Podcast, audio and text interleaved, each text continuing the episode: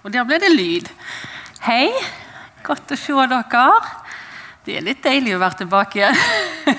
Jeg må jo si det. Jeg kjenner jeg har savna dere. Savna å være i lag med dere, se ansiktene. Eh, og ja, virkelig bedt for dere. Jeg kjenner jeg har vært litt sånn Håper de har det bra, Gud.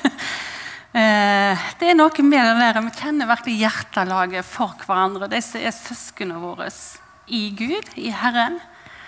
Eh, dere har en helt spesiell plass, iallfall i mitt hjerte. Eh, vi har et tema for eh, noen taler nå framover som vi rett og slett har bare kalt 'disippel'. Eh, og iallfall jeg har gjort meg noen tanker eh, nå i den tida vi har gått igjennom. Jeg får si datt han av her nå. Her er mye hår, vet du. Sånn. Da satser vi på at han er, holder seg der. Eh, vi har vært gjennom ei spesiell tid som iallfall har gjort noe med meg. Jeg regner jo med at det har gjort noe med deg òg. Eh, en har fått kjent på gudslivet sitt. Hva består det av? Består det av den intime relasjonen med Gud? Eller består det av en masse med gjerninger og aktiviteter jeg gjør for Gud? Eh, hvor på en måte er fundamentet mitt, og hvor er identiteten min? Hva fyller jeg tida mi med? Eh, hvordan er på en måte hverdagene mine? Og jeg kjente iallfall for min egen del den første tida så ble jeg veldig oppslukt i nyhetene. Jeg ble helt sånn der, eh, paralysert. Hva skjer nå? Hva er lovt? Eh, både med tanke på eget personlig liv, men òg menighetsliv. Eh, og en kan på en måte kjenne litt på at en blir litt handlingslamma til tider. Jeg vet ikke om dere husker når den der eh, Å, oh, dette na meg, denne her. Eh, skal vi se. Sånn. Prøver å utvide den litt. Eh, når denne tsunamikatastrofen eh, var i Thailand for noen år tilbake, så husker jeg at vi ble sånn, vi ble sittende foran TV-skjermen og bare kikke i flere dager. Jeg husker til og med Ungene reagerte. liksom, Skal dere ikke snart gjøre noe annet enn å glo på det TV? Men akkurat som vi ble helt sånn opphengt i nyhetene. For det var så sjokkerende, og det, det rustet oss, det gjorde noe med oss. Og Litt samme greiene her opplevde jeg, eh, spesielt i dette med troslivet. At jeg ble på en måte sittende litt sånn og vente på si, et klarsignal fra regjeringen eller noen andre. Hva er lovt? Eh, og så glemte jeg på en måte litt, selv om det var restriksjoner, at det var jo mange ting som egentlig er lov for det. Det er bare at jeg må tenke på en litt annen måte og handle annerledes. Jeg kan fremdeles vise omsorg til folk fordi om jeg ikke fysisk kan gå på besøk. Det går jo an å ta en telefon.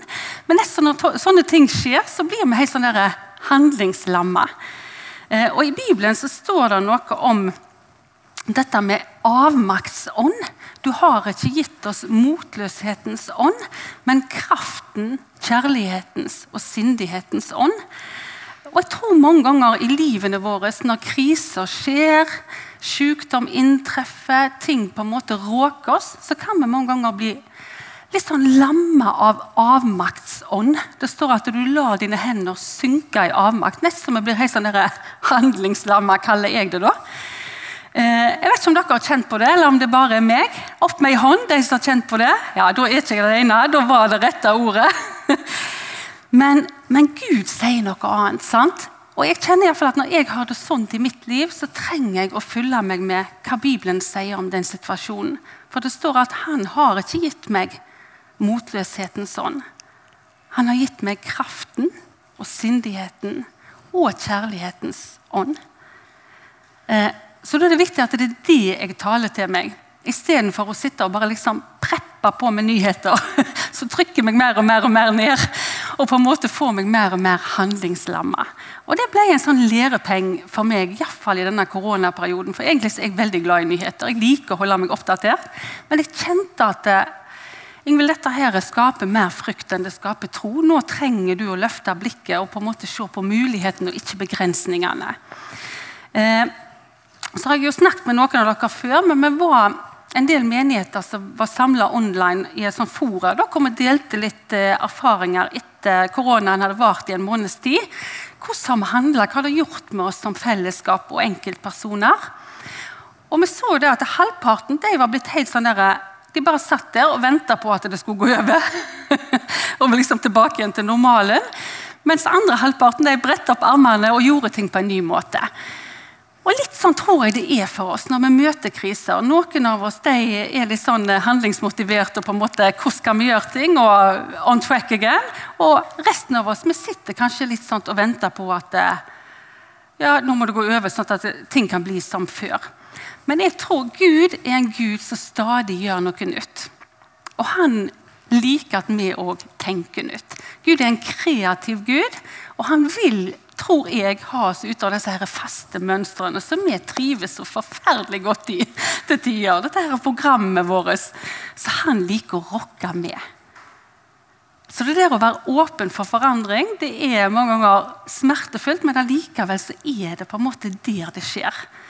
Eh, så jeg kjenner i fall, jeg er en person som liker å ha kontroll og liker å vite hva som skjer. og, og sånn.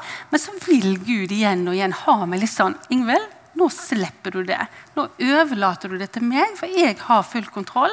Og så må du faktisk stole på det. Og det tror jeg han vil ha oss alle. Gud har kontroll i ei tid hvor vi ikke har kontroll, eller vi ikke vet hva som skjer. Han har vært der. Han er i går, i dag og i morgen. Så han har allerede vært og forberedt det som ligger foran oss. Og Vi ser det jo mange ganger når vi ser tilbake igjen på livet vårt. Hvorfor ulike ting skjedde.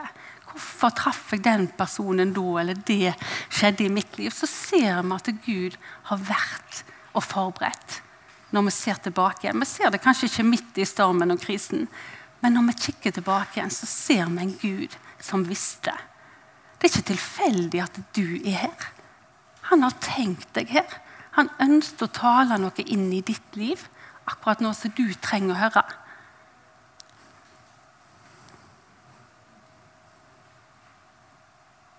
Så Gud gav oss ikke motløshetens ånd, men kjærlighets, kraft og sindighets ånd. det står noen ord i ordspråket. Der er det masse visdom. Men i ordspråkene tre så står det noe. Det står jo 'min sønn', men du vet jeg leser jo 'min datter'. Så kan jo du lese av din sønn hvis det passer bedre til deg. men min sønn eller datter, glem ikke min lov, men la ditt hjerte ta vare på mine bud. For mange levedager og et langt liv og fred skal de gi deg i tillegg. Gi ikke slipp på miskunnhet og sannhet. Bind de rundt din hals og skriv de på ditt hjertes tavle. Da skal du finne nåde og få god forstand i Guds og menneskers øyne. Sett din lit til Herren av hele ditt hjerte. Stol ikke på din egen forstand. Tenk på Han alle dine veier, så skal Han lede dine stier rett. Vær ikke vis i egne øyne. Frykt Herren, og vik fra det vonde. Det skal bli til helse for ditt legeme og opplive dine bein. Og vi ønsker jo mange levedager og et langt liv og fred. Gjør vi ikke det? Og helse. Det står ganske enkelt hva vi skal gjøre. Dette med å ta vare på Hans ord. Og det gjør vi jo ved å så inn, ved å sette inn på kontoen. Og så står det dette med å tenke på Han på alle dine veier. På hebraisk betyr det 'kjenn Han på alle dine veier'. Og Da er det ikke bare å nikke i retningen, men å holde seg nær til. Søke Gud i alle tingene i livet vårt. Alle situasjonene vi kommer opp i. Hva ville du gjort her? Jeg tror Gud har behag i en liksom barnslig måte å leve på. Jeg syns det var så herlig med Mariann her sist. Jeg var så sliten, og det hadde vært så mye denne uka, så jeg bare følte at jeg fikk sitte på Guds fang. Når du liksom med alt dette her stæsjet ditt sto her og formidla Guds kjærlighet på den måten som bare du kan. Men det var så godt å være og få kjenne på hans omsorg. For det er der han vil at vi skal være. Men da må vi søke inn i Hans ord, i Hans ting og Hans hjertelag for oss. Og så er det ulike plasser hvor vi opplever at Gud møter oss. Du vet best hva som på en måte taler til deg, enten det er gjennom lovsang, gjennom studere ordet, gjennom bønn. Men det er viktig at vi oppsøker det. Og at vi ikke på en måte kun fyller oss med ting som tapper oss for krefter. For Gud ønsker at vi skal få ny kraft. Han ønsker at vi skal bli fylt med det gode. Og så står det ganske svart på hvitt. Ta vare på mine bud, ta vare på mine ord. Så skal du få alt dette. Det er ganske enkelt, men vi trenger å putte det inn. Og det er som en, en bankkonto som vi setter innskudd, sånn at vi kan ta ut når vi trenger det. Og Gud vil òg at vi skal ta ut. Det er perioder hvor vi trenger kraft, vi trenger styrke. Eh, når jeg har forberedt meg litt, så har jeg studert litt disse her eh, første kristne. Eh, vi vet jo at Jesus døde og sto opp igjen etter den tredje dagen, som han hadde lovt. Men disiplene var jo i djup krise, for frelseren som de hadde trodd på skulle skape dette her nye riket, han døde. Så da tenkte de 'game over'. krise. Men så går det tre dager, og så møter de han i ulike settinger i 40 dager. Eh, og Så blir han tatt opp til himmelen, og før han blir tatt opp, så sier han til dem det er bra for dere at jeg ferer. For dere kommer til å få noe som er mye bedre.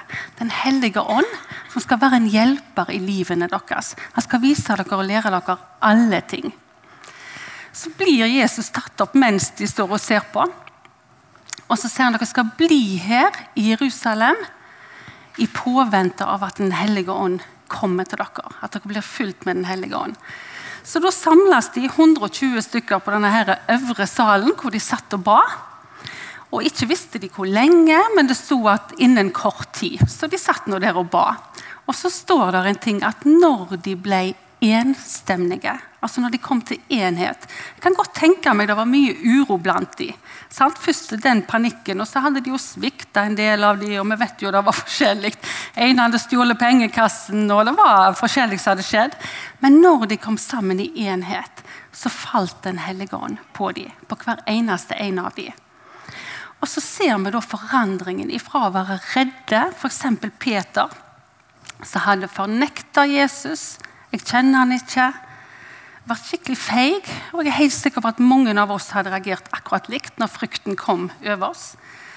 Men iallfall ifra å være så redd Den eneste endringen som har skjedd, er jo at han har blitt ikledd Den hellige ånd. Så går han ut i full kraft, frimodig, og forkynner evangeliet. Og det var ikke et ord som på en måte klapte de på kinnet. Det står at det de som hørte, det stakk de i hjertet dette som Peter forkynte. Allikevel så var det 3000 stykker som gav livet sitt til Jesus og, og valgte å følge ham. Det er ganske stilig. Og Den eneste forskjellen var at han var blitt ikredd kraft som gjorde at han fikk frimodighet. En helt annen frimodighet enn det han hadde hatt før. Eh, og så vet vi jo at eh, Disiplene da gikk rundt og gjorde masse tegn og under, og mange ble lagt til menigheten hver eneste dag. Og dette fikk fortsette en god stund. Det vokste, og det ble en stor forsamling etter hvert. Men så kom da forfølgelsen. Eh, og det ble så gale at han ene som heter Stefanus eh, En del av oss har sikkert hørt om han, han ble steina for troa si til døde. Eh, og klart at Da ble det frykt i forsamlingen, og de ble spredd står det, til alle retninger. Men det er litt artig å lese det der, for hvis vi leser i Apostlenes gjerninger 8, vers 1-8 eh, Eller midt ute i 1 der, så står det da om de. Og alle sammen, bortsett fra apostlene, ble spredd utover områdene Judea og Samaria. Og gudfryktige menn begravde Stefanus, og de holdt en stor dødsklage over han. Men Saulus plaget menigheten, for han gikk inn i hus etter hus og drog menn og kvinner ut og fikk de fengsla. De som ble spredt utover, gikk nå omkring og forkynte ordet. Philip dro da ned til byen Samaria og forkynte Kristus for dem. Og i de store folkeskarene aktet enhver på alt det som ble talt av Philip, da de hørte og så tegna han gjorde. For ureine ånder ropte med høy røst og for ut av mange av de som var besatt. Og mange som var vannføre og lamme, ble helbreda. Og det ble stor glede i byen. Her ser vi at alle ble spredt, bortsett fra apostlene. Dvs. Si de som var lederne deres. Så i vår setting så hadde det vært alle ble spredt, alle de nyfrelste, holdt jeg på å si, bortsett fra lederne eller pastorene eller prestene, eller hva en velger å kalle det. Det var litt stilig at de ble igjen i Jerusalem. Så det var de nyfrelste, de som akkurat hadde kommet til tro, som for ut og forkynte evangeliet. Og Jeg vet ikke hvordan det er med deg, men hvis det oppsto forfølgelse Hadde vi foret ut på gater og streder? Eller hadde jeg vært opptatt av å, å gjemme meg? Er det frykten som hadde tatt meg? Står jeg opp for det jeg tror på, når trykket kommer på?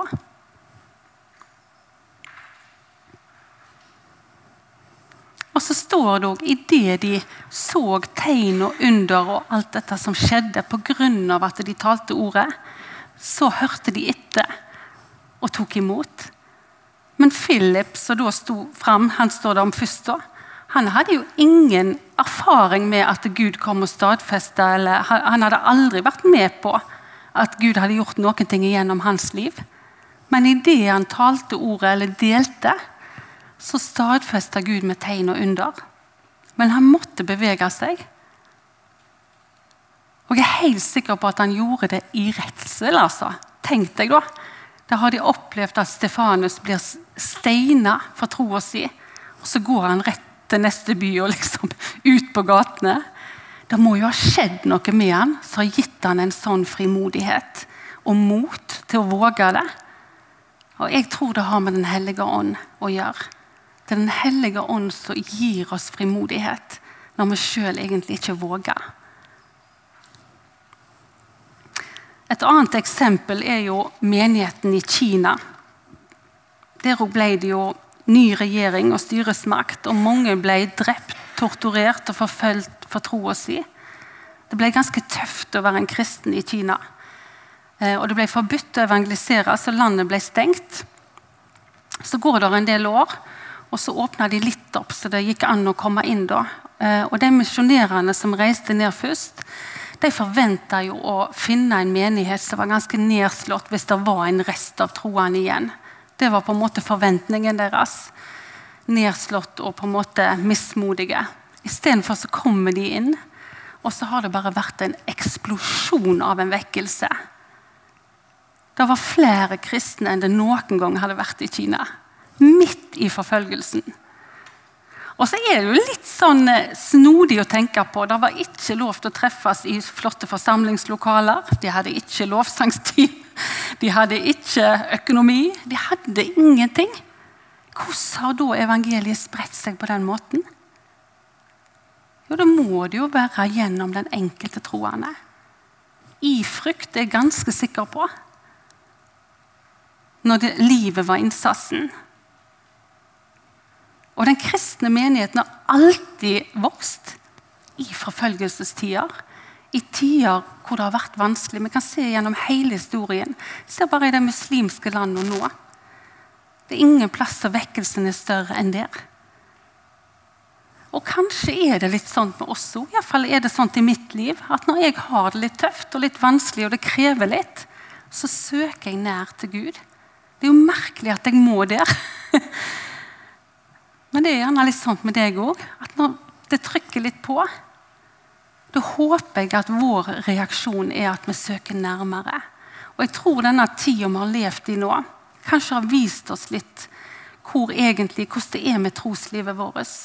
Har vi søkt nærmere Gud? Eller har vi kjent på at oh, det var godt å bare ha fri fra hele greia? For da har kanskje ikke kristenlivet vårt vært fundamentert på de rette tingene. For det er jo hjertefellesskapet først og fremst Gud ønsker med oss. Og kanskje tillater han ting i livet vårt for å få oss tilbake igjen til det som tross alt er det viktigste. Så skal vi få lov til å tjene Han, men det må være ut ifra et hjerte som springer over på en måte av kjærligheten til Han.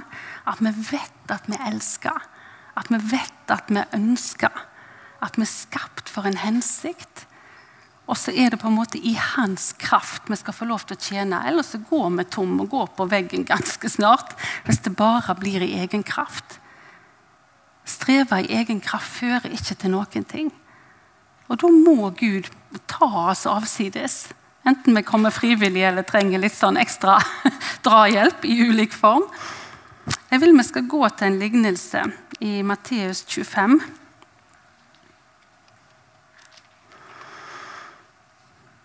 Og Der står det om ti jomfruer. Mange av dere har helt sikkert hørt om det før, men jeg leser den. Det er Jesus som sier dette, og han talte ofte i lignelser. Gode bilder som vi kan kjenne oss igjen i, men det ligger ofte en del skjulte historier i dem. Så jeg får kanskje én tolkning, og så sitter du og får et helt annet bilde. Og Det er det som er så bra med Guds ord. Det er alltid nye lag. Og det kan være nytt hver gang vi leser det.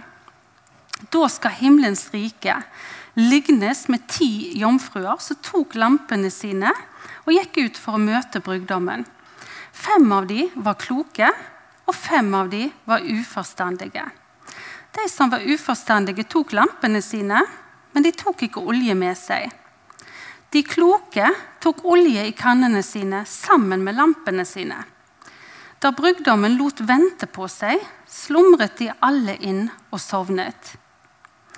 Men med midnatt lød det et rop. Se, brudgommen kommer. Gå ut og møt han. Da sto alle jomfruene opp og stelte i stand lampene sine. Men de uforstandige sa til de kloke, gi oss av oljen deres, for lampene våre slokner. Men de kloke sa, nei, gjør vi det, vil det ikke bli nok til både oss og dere. Og heller dem, gå heller til dem som selger, og kjøp til dere selv. Men mens de gikk bort for å kjøpe, kom brudgommen. Og de som var rede, gikk inn med han til bryllupet, og døren ble stengt. Etterpå kom også de andre jomfruene og sa, Herre, Herre, lukk opp for oss. Men han svarte og sa, Sannelig sier jeg dere, jeg kjenner dere ikke. Våg derfor, for dere kjenner verken dagen eller timen for menneskesønnens komme. Det er jo litt artig å se her at alle jomfruene, alle ti, hadde lamper. Og de venta på brudgommen, så de venta på at han skulle komme.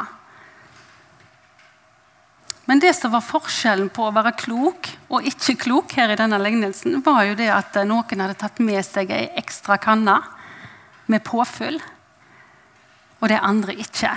For alle jomfruene ble trøtte og sovna, for det drødde ut. Og jeg tenker jo at det er et bilde på oss. Vi kan bli slitne og trøtte av å vente når gjerne ting drøyer ut. Men forskjellen på de her var dette med påfyllet. At en skjønte at en trengte noe utenfra. En trengte noe en ikke hadde i seg sjøl. Så jeg tror jo på en måte lampa er et bilde på frelsen. De var frelst, de hadde på en måte de hadde det som skulle til. Men jeg tror denne kanna er et bilde på Den hellige ånd og det som gir oss påfyll til å holde ut, til å stå ut løpet. For vi vet at det skal si, den kristne vandringen det kan mange ganger sammenlignes med et løp. Et utholdenhetsløp. Og det er tider hvor vi kjenner på at vi blir trøtte, vi har lyst til å gi opp. Og Da er det så viktig å ha hvor er min og din påfyllsplass? Hva er de kanna? Har du den med deg? Tar du tid til å fylle på den? Eller ligger hun igjen, og så blir det tomt? Og jeg tror alt på en måte som vi gjør for Gud Han ønsker at vi skal tjene ut av en, en allerede full brønn.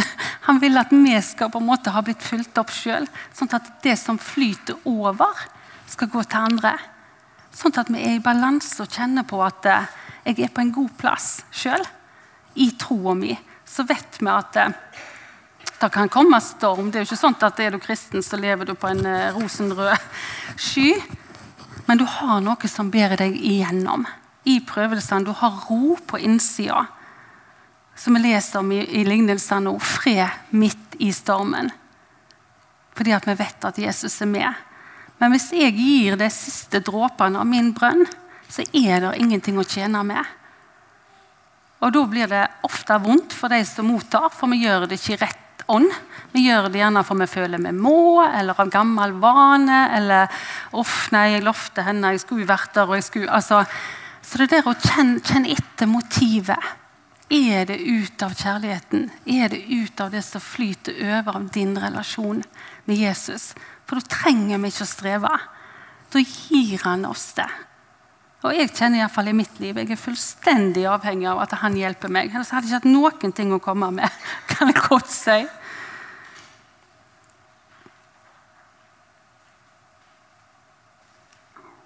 Så forskjellen var denne olja. Eh, I Matteus 724 står det òg en annen lignelse som Jesus sjøl sier. Og jeg tenker Han bruker enkle bilder for vi skal forstå dem. Derfor vær den som hører disse mine ord, og gjør etter dem. Han vil jeg sammenligne med en klok mann. Igjen benevnelsen det å være klok. Hva var det som gjorde at han var klok? Jo, han hørte ordene til Jesus, det som vi ser i Bibelen, og gjorde det. Det hjelper ikke bare å høre det, og så går det rett ut igjen. Vi trenger faktisk å praktisere det for å erfare i eget liv. Wow, det virker! Og jeg vet i hvert fall de første gangene jeg la hendene på noen, og de faktisk ble helbreda. Og det er ikke sant at det skjer hver gang, men Gud har sagt 'legg hendene på de syke'. Og det er fantastisk de gangene det faktisk skjer. Det gjør noe iallfall med min tro, men òg med den som får erfare Guds kraft i sitt liv. Eller du kjenner du blir minnet på noe og er lydig og går til noen med et ord eller hva det måtte være. Til og med Jesus sa det at 'min mat, det er å gjøre min himmelske fars vilje'. Og når han trengte den maten Han kunne jo sagt at hans mat var liksom å være på høyden med Gud. eller på en måte. Men det han valgte, så gav han næring, det var å gjøre hans himmelske fars vilje. Og da tror jeg at det gjerne er mat for meg og deg òg, når det var det for Jesus. Det står jo at vi skal få lov til å gå i ferdiglagte gjerninger som han på forhånd har gjort ferdig for at vi skulle vandre i de. Men så er det noe med å være på utkikk etter de. Gjøre seg disponibel, begynne dagen med Gud. I dag ønsker jeg å være et redskap for deg. I dag ønsker jeg å være tuna inn hvis det er noen jeg skal si noe til eller være noe for. For da havner du i situasjoner som Gud vet at ville gi deg glede. Han har lagt det der for at du skulle finne det gullet. Og så er vi i ulike faser i livet. Sant? Noen har masse krefter og vitalitet og styrke, og andre kjenner på at de har mer enn nok med å bare komme gjennom dagen. Og da har vi ulike oppgaver. Noe kan være å være bare sett i forbønn. Noe kan være å ta en telefon til noen som trenger en telefon akkurat der og da. Eller så er søstera meg her så flink å sende en sang eller et ord i rett tid. Jeg vet Det er så mange som har blitt møtt av det akkurat når de trengte det. Så det er ikke de der enorme tingene. Liksom. Det er ikke alle av oss som er skapt å stå på torget, men vi kan allikevel være Guds hender og føtter. For han har gjort seg avhengig av oss. Eh, og Nå er vi jo heldige og kan samles igjen, men jeg tenker det kan komme tider hvor vi ikke kan det. Er vi da Guds hender og føtter i hverdagen vår? Det er det han ønsker for oss, og det kan vi være hver eneste dag. Bare gjennom å være den du er. Jeg leser ferdig denne lignelsen.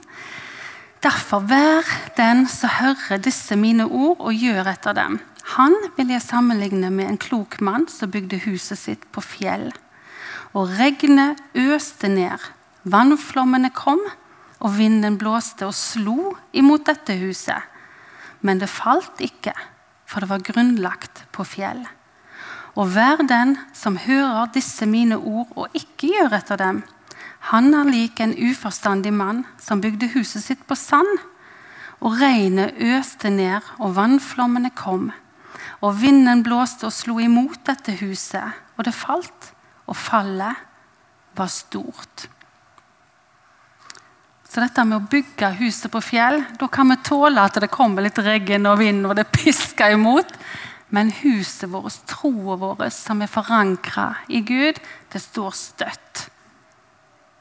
Og vi blir jo som troende mange ganger sammenligna med dette palmetreet. Og det er jo en grunn til det, for at Når vinden tar palmetreet, så kan det bli bøyd faktisk helt ned til bakken.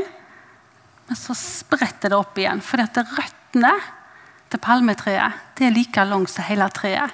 De vokser i takt med at treet vokser. Derfor blir vi som troende òg sammenligna med et palmetre, og ikke et hva som helst annet tre. Fordi at Gud ønsker at vi skal ha røtter som er fundamentert i tryggheten på hvem vi er i Gud.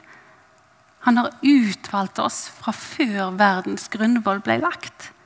Før du kom og ble forma i mors liv, så hadde Gud en plan for ditt liv. Du er ingen tilfeldighet. Jeg kjenner bare at jeg skal lese bitte litt fra Salme 139. Eh, du kan godt gå hjem og lese den salmen, for det er noe med å bli grunnfesta i hva Guds ord sier om deg. Hva han tenkte når han skapte deg. For Det er så mye i verden i dag som sier så mye annet om oss, og vi lar på en måte definere oss. Men det står så mye bra i Salme 139. Herre, du ransaker meg, og du kjenner meg. Hvor jeg enn sitter eller står, så vet du det. Langt bortefra kjenner du min tanke. Min sti og mitt leie blir granska av deg, for du kjenner nøye alle mine veier. Ikke ett ord er på min tunge. Se, Herre, uten at du kjenner det helt og fullt allerede. Bakfra og forfra omgir du meg og du har lagt din hånd på meg. Å forstå dette er for underfylt for meg. Det er for høyt, og jeg kan ikke fatte det. Hvor kan jeg gå bort ifra de ånd, eller hvor kan jeg flykte fra ditt ansikt? For jeg opp til himmelen, så er du jo der. Redd deg leie i dødsriket, se, da er du der. Spenn deg morgenrødens vinger, sett deg bo med havets ytterste grense. Selv der skal de hånd lede meg, og de høyre hånd skal holde meg fast. Om jeg skulle si sannelig mørket skal falle over meg, så skal likevel natten være lys rundt meg. Sannelig, sjøl mørket er ikke mørkt for deg, men natten lyser som dagen. For det er du som hadde mine nyrer i eie. Du vevde meg sammen i min mors liv. Jeg vil prise deg, for ved fryktinngytende gjerninger er jeg blitt et underverk. Underfulle er dine gjerninger, og mi sjel vet det så vel. Mine bein var ikke gjemt for deg da jeg ble danna i det skjulte, på kunstferdig vis knytta sammen i mors liv. Som et foster så dine øyne meg, og i de bok var de alle skrevet ned, de dagene som var fastlagt for meg, før en eneste av de var kommet. Hvor uutgrunnelig dine tanker er for meg og Gud. Hvor veldig summen av de er. Skulle jeg telle de, er de mer tallrike enn sand. Når jeg våkner, er jeg fortsatt hos deg. Det er fantastiske ord, og vi trenger å høre de igjen og igjen. Vi er ingen tilfeldigheter, selv om du gjerne har gått og tenkt det. Så er alle dagene dine skrevet ned før en eneste av dem er kommet. Så kan vi velge å gå på andre sider enn det Gud hadde for oss. Men han er alltid klar til å hanke oss inn igjen på den veien egentlig han hadde tenkt for oss. Og du er alltid velkommen hjem til farshuset. Jeg syns det er så bra når du leser om den bortkomne sønnen, hvordan faren står med åpne ermer og speid etter ham. Og Sånn er det med oss òg. Vi kan surre oss inn i forskjellig. Så står han og speider etter oss. Gud har bruk for deg på sitt lag.